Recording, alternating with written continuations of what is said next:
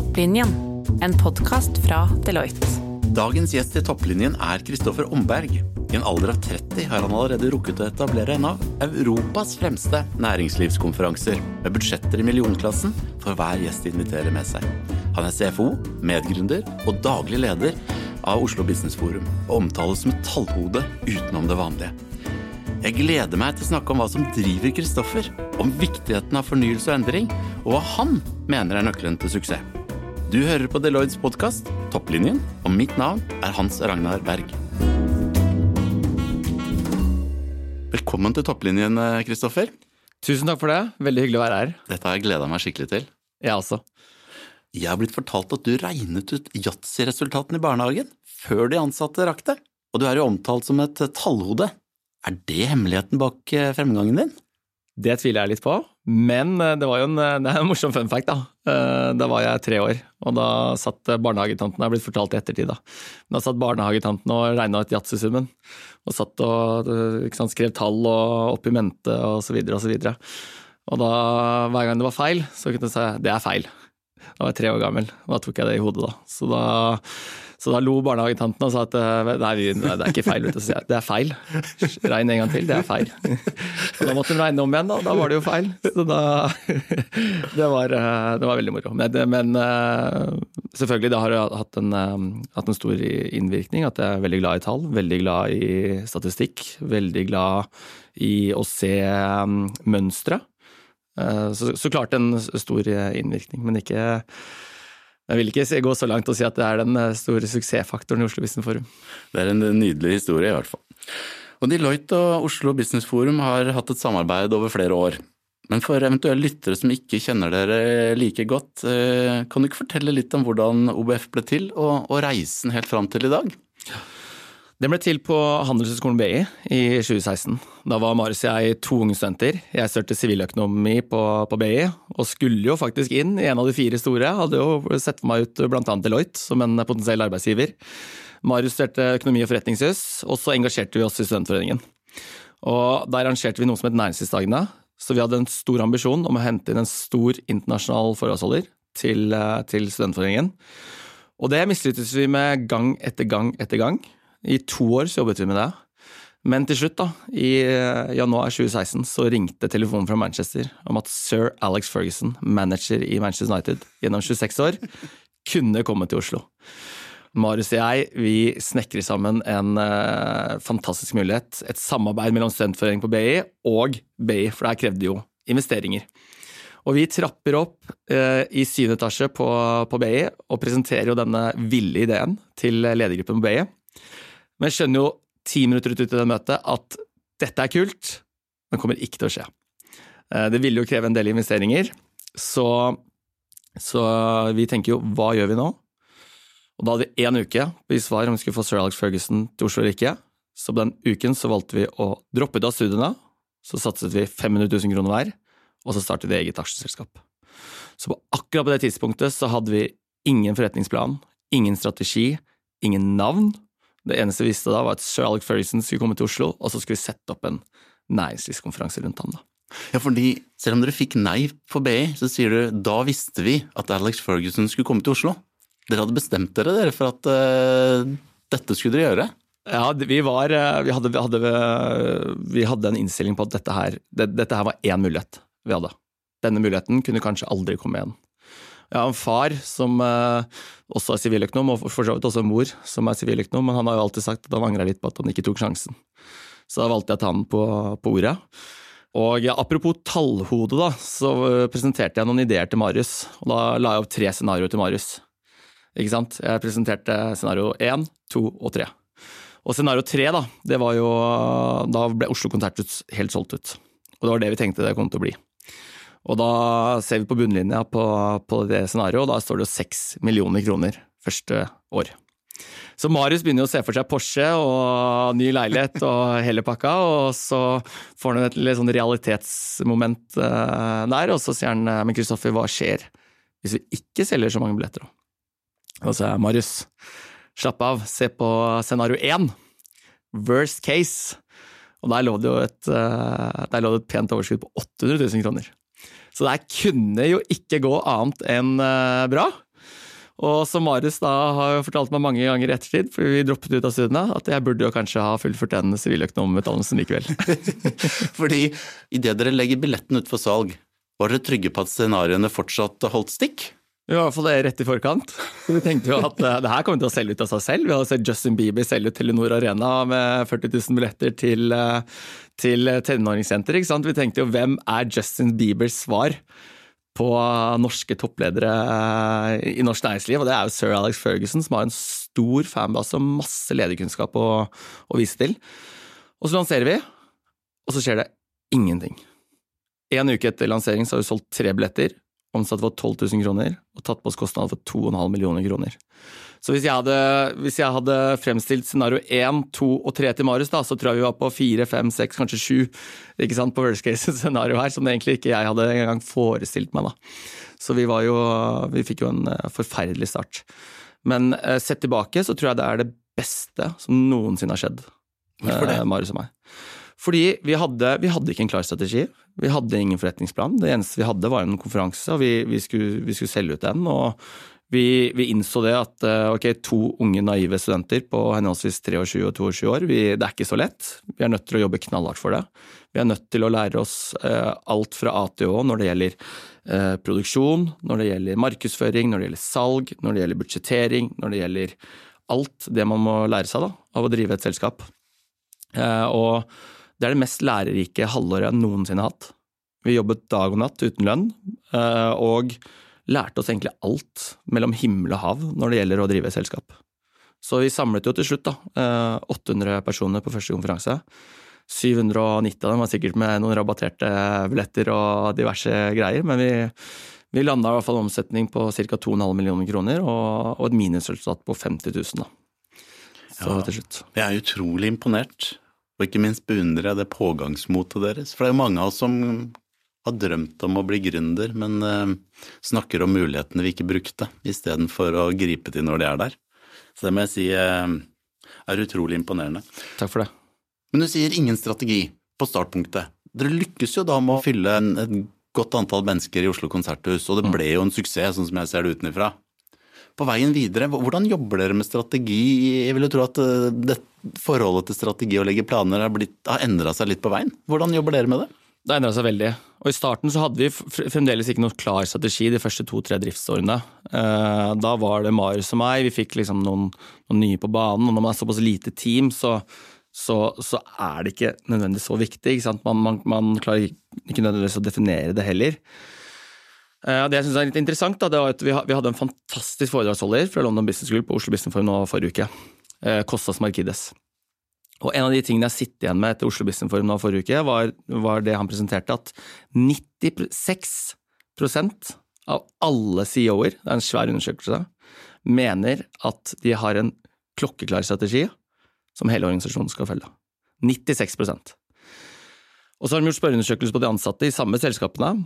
Hvor mange av de, eh, disse vet hva strategien til selskapet er? 29% svarer ja.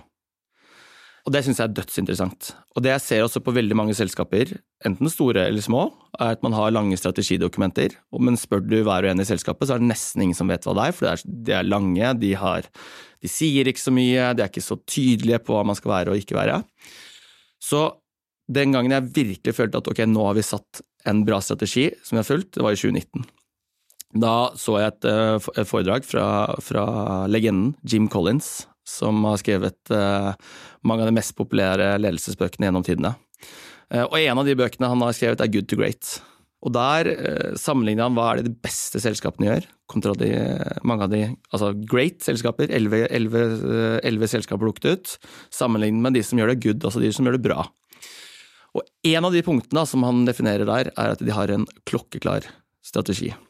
Og sammen med Morten Hansen i en annen bok da, så, så, ser de på, ser på spesielt selskapet South uh, by Southwest uh, Airline, uh, og ser at de har en så ekstremt lett og tydelig strategi som de ansatte husker, som gir dem forankring, og de kan ta beslutninger på vegne av strategien. Og de kalte det en smack recipe. Og basert på den smack-recipien er rett og slett noe vi i Oslo Business Forum har. Så den strategien vi har satt, det er rett og slett vi har ti enkle punkter som definerer dette er hva vi gjør, og dette er ikke hva vi skal gjøre. Og det er det alle i selskapet hos tar beslutning på hver eneste dag. Så jeg, jeg syns det har blitt en fantastisk modell for oss, fordi den er lett, den er tydelig for ansatte, om de kan ta beslutninger på, på, på vegne av den. Så svært mange ganger, mange ganger når, når, noen hos oss spør burde vi gjøre dette her, så sier jeg nesten alltid har du sett på strategien? Ja eller nei. Eh, og så ser du se på det en gang til, og så, så, kan du komme med forslag til beslutningen.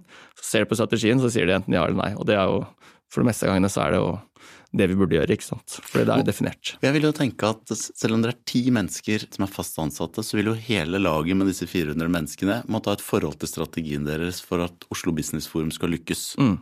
Hvordan jobber dere med det? Mm. Det her snakker jeg lite om offentlig, men jeg, men jeg syns det kuleste med Oslo Business Forum er det samarbeidet, og det gjorde vi faktisk i samarbeid med Deloitte i år, er det samarbeidet vi har med alle, alle ambassadørene, som vi kaller dem, som er studentene. Og der, Vi har 150 frivillige som jobber med oss under dagene, og selvfølgelig disse 400 totalt. Men de trenes og terpes på alt fra altså, hva vi ønsker å oppnå med konferansen, til liksom hvordan man jobber med kundeopplevelser, kundeservice osv. Så, så, videre. så de 150 de går gjennom ganske omfattende trening i forkant.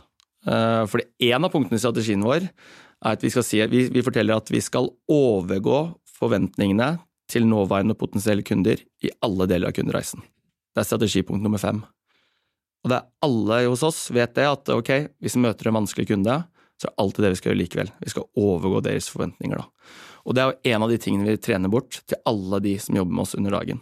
Så alle de 150 frivillige går gjennom omfattende tre ukers trening, mens de 250 andre de går gjennom en, en litt mer overordna presentasjon da, på, på, hva er faktisk Oslo Business Forum, og hvordan er det vi jobber med kundeopplevelser.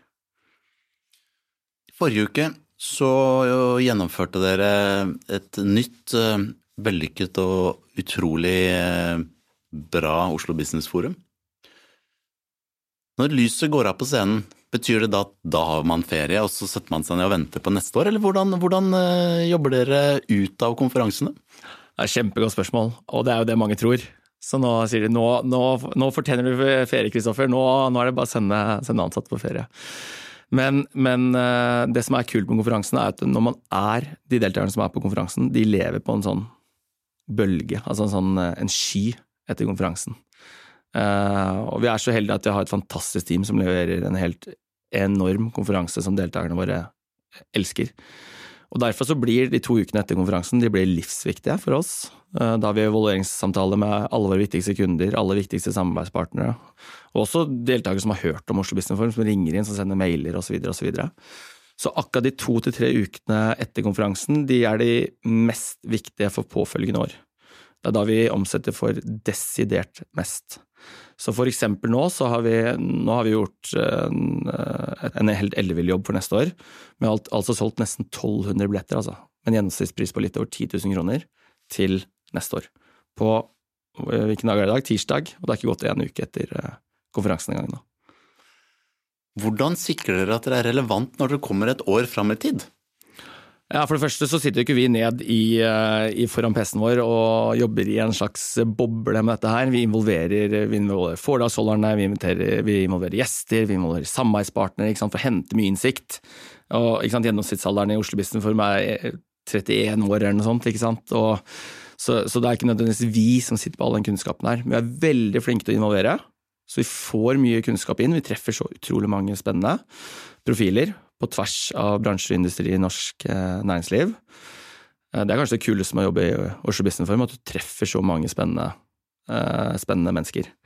Men vi starter 18 måneder før. Da begynner vi å, begynner vi å sette et litt sånn overordna tema for det som skal skje. Og vi har ganske mange flinke folk da, som er med og løfter oss, som kan se litt inn i predikere litt hva som skal skje. Så henter vi noen forhåndsholdere, men så vi, har vi også mye av programmet åpent, som vi begynner å sette inn frem mot konferansen. Og så uh, kan du ta ett eksempel nå, da. Med, vi hentet inn Amy Webb. Hun blir regnet som verdens fremste trendforsker. Hun leverer en årlig teknologirapport hvert eneste år på South by Southwest. Folk sover i eller hva heter det, sovepose utenfor konferansen for å, for å delta på den.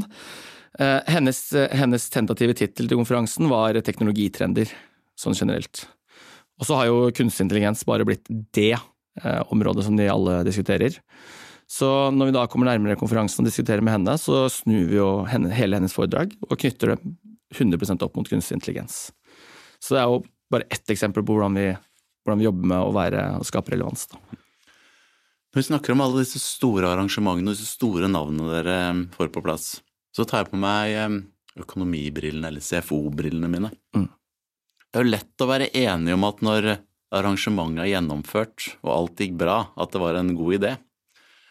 Men i forhold til risikovillighet, hva er forholdet deres til å ta risiko og, og, og våge å satse, eh, også med tanke på økonomien i det, når dere sitter og planlegger? Mm.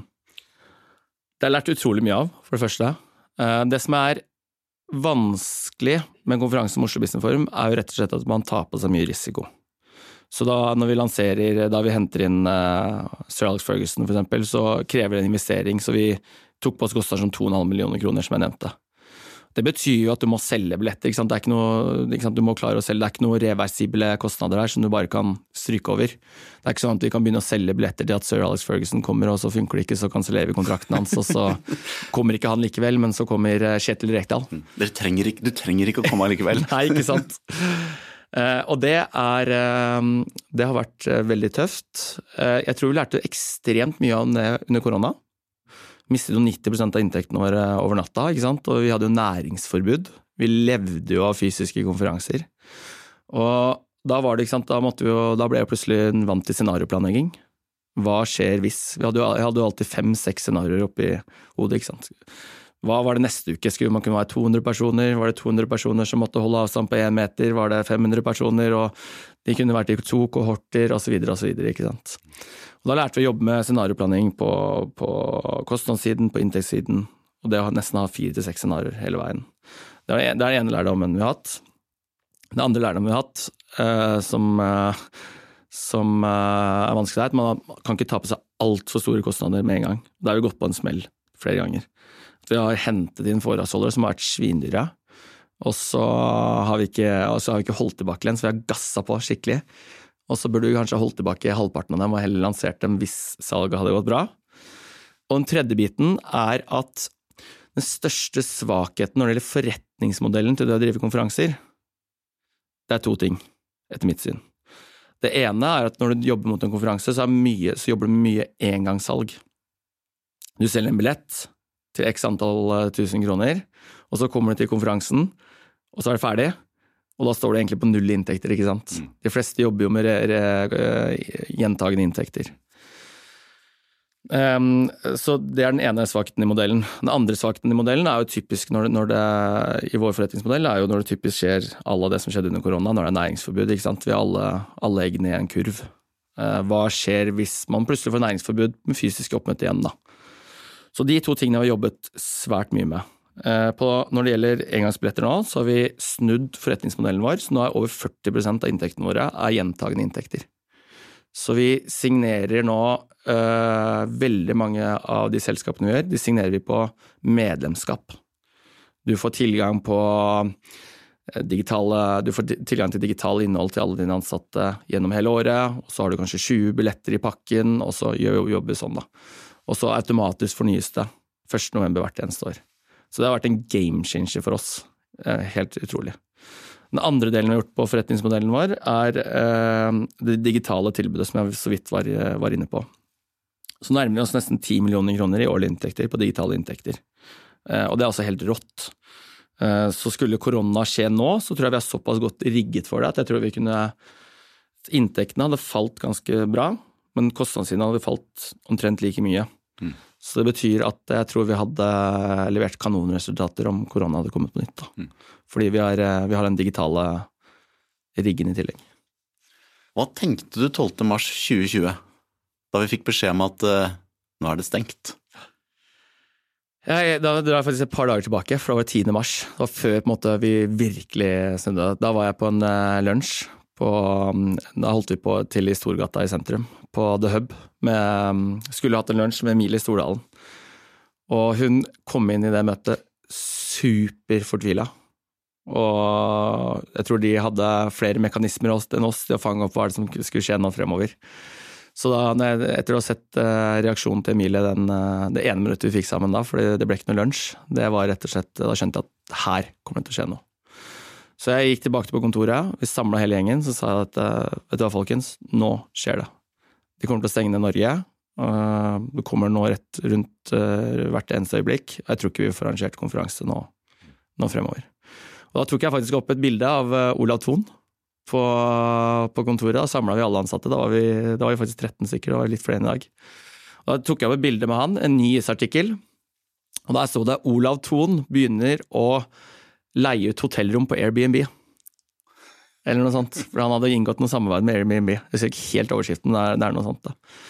da pekte jeg på Olav og så sa at hvis Olav, som snart er 100 år gammel, klarer å tenke nytt og annerledes rundt forretningsmodellene, så skal faen meg vi klare det òg det her skal vi klare å snu. Vi kommer, vi kommer antagelig til å ha 2020 i det formatet vi har i dag.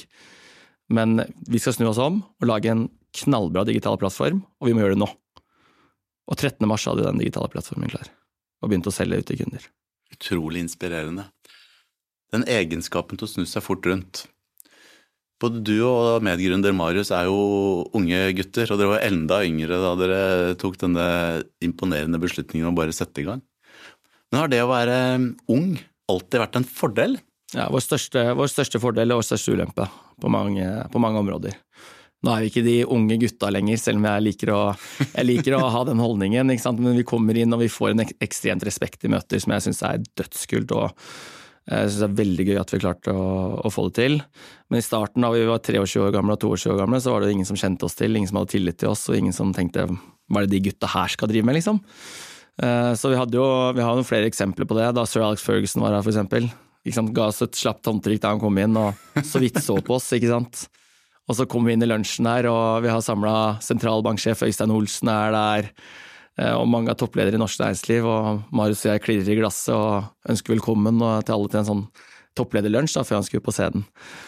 Og sir Alex Ferguson ser deg og måper, ikke sant? for han tenkte å ja, han, trodde vi jobba frivillig på konferansen, og så var det vi som, eh, som, drev det. Så det er jo kult, og vi har mange, mange andre lignende historier. Vi besøkte Thomas Alsgaard, for vi lagde massevis av videoer innenfor uh, endringsledelse. Vi kjørte ut i gården hans på uh, rett utenfor Jessheim der og skulle intervjue han da, om uh, prestasjonsledelse. Og vi kommer inn der, Thomas oppfører seg litt rart, og så, og så plutselig ser han på meg, og sier han eh, Hvor blir det av Kristoffer? ja, Kristoffer, jeg er her. Nei, han daglig lederen, hvor blir det han?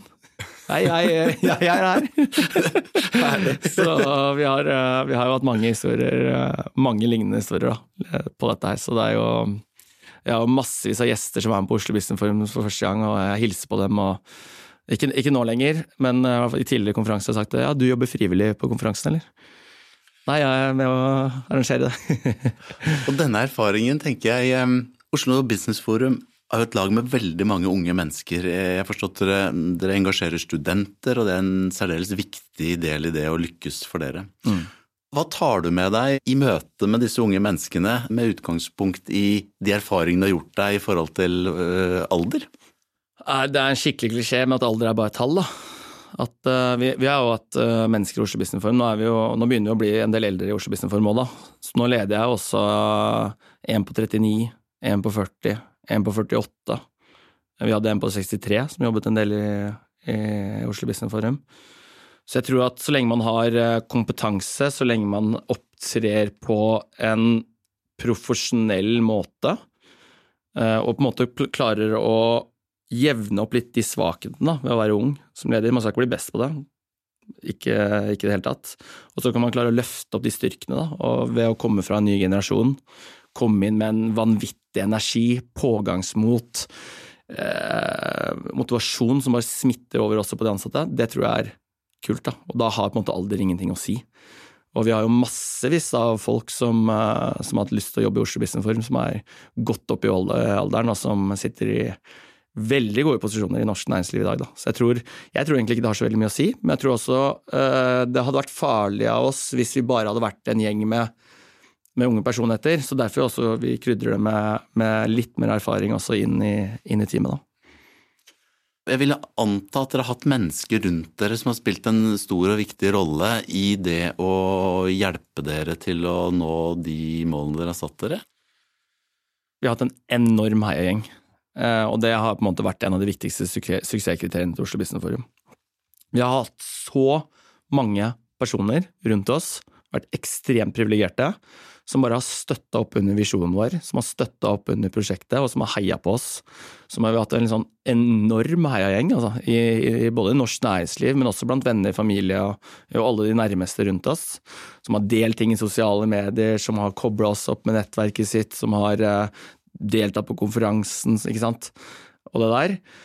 Uh, nå i senere tid så er det nok en uh, del av strategien vår at vi skal skape ambassadører. Vi, og det er jo reft det jeg snakket om det med å skape gode kundeopplevelser. Hvorfor skaper vi gode kundeopplevelser? Jo, selvfølgelig fordi vi ønsker at Oslo Business Forum-produktet skal være kanonbra. Men vi ønsker at når to, de 2500 deltakerne kommer hjem fra konferansen, så spør vi oss hva skal til for at hver eneste og en av deltakerne på Oslo Business Forum skal fortelle alle vennene sine om hvor fantastisk det var på Oslo Business Forum de to dagene. Hva skal til? Og Da jobber vi sant, med kundereisen hele veien, og det er jo det er også med samarbeidspartnerne. Hvordan skal vi sørge for at samarbeidspartnerne er så fornøyde med konferansen og det vi har gjort med dem gjennom åra, at de har, de har, null sannsynlighet for at de, for de skal bare være med neste år. Eh, det er jo litt den måten vi jobber med, med kundetilfredshet og ambassadører og, og engasjere, kalle heiagjengen, rundt mm. Oslo Business Forum. En god heiagjeng, det er eh, uvurderlig i uh, egentlig alle reiser. Mm. Hvilke funksjoner eller roller har uh, vist seg å være mest verdifull for deg som CFO på veien? Vi har hatt en ekstremt heiagjeng, men der vi kanskje ikke har hatt flinke nok folk rundt oss, er til å holde oss litt tilbake innimellom. Så, så det, det, har jo vært noen det, nesten, det, har jo nesten vært lærdom vi bare har fått, uh, fått selv, da. Uh, men, det, men, det, viktigste rundt CFO-rollen er litt av det vi har sagt om allerede i dag. Liksom sånn, viktigheten av risikohåndtering, viktigheten av scenarioplanlegging, viktigheten av stålkontroll på liksom alle tall. Vi rapporterer alle tall én gang i uka. Da har vi da stålkontroll på alt av salgsinntekter, kostnader eh, osv. osv. Vi setter oss ukesmål på salg. Eh, og jobber også ukentlig. Da har jeg timinuttersprat med prosjektleder som står for mange av kostnadene på dette her. At man, vi har en ekstrem kostnadskontroll, da, som jeg tror også ikke veldig mange selskaper på vår størrelse har. Eh, så det å hele tiden klare å eh, evne, som en CFO, og i, mitt ståsted også som dagleder, evne til å kunne balansere eh, når skal man gi gass, når skal man gi brems. Mm. Og så er nok jeg av min personlighetstype dessverre litt, noen ganger litt for gi gass. Så skulle jeg vi vokst enda mer, som jeg håper nå. Vi, vi har jo flere også selskaper i en paraply i Oslo Business som vi ser på det opprette. Da skal jeg nok få inn en CFO etter hvert, og da tror jeg den viktigste egenskapen jeg ser etter en flink CFO, er, er hvor mye kan han klare å gi den bremsfunksjonen, da, på, på spesielt på meg. Og hvordan forbereder du deg på det uforberedte? Det er et godt spørsmål. Jeg tror uh, hos oss ligger det litt som natur, det ligger i kulturen vår.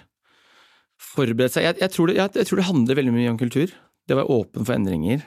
Og det at når noe skjer, så, så klarer man å omstille seg eh, veldig raskt.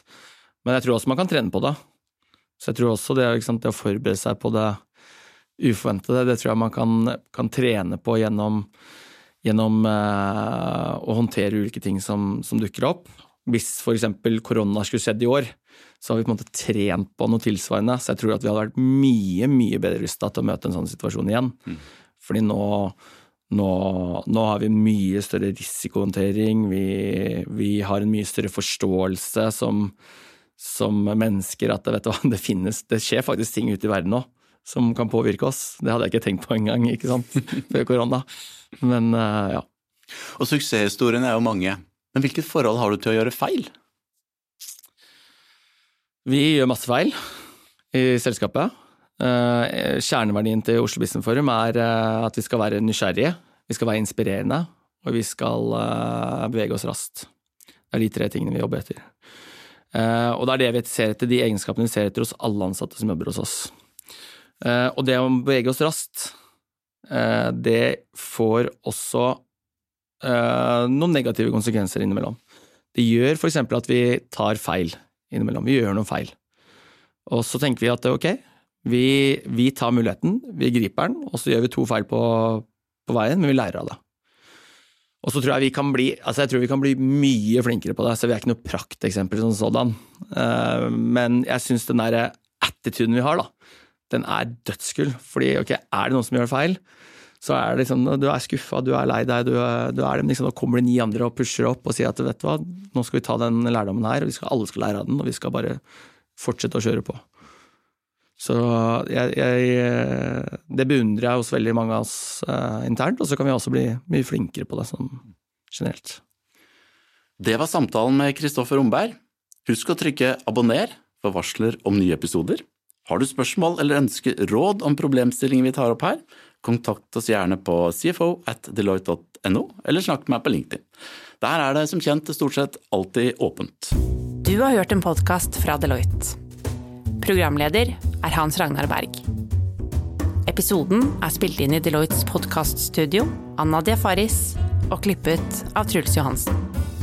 Resten av topplinjen er Charlotte Forlund Gunnhus og Mina Grimstad Karlsen. Vil du bli bedre kjent med våre CFO Services? Trykk på lenken under episoden, eller se mer på cfo.deloitte.no.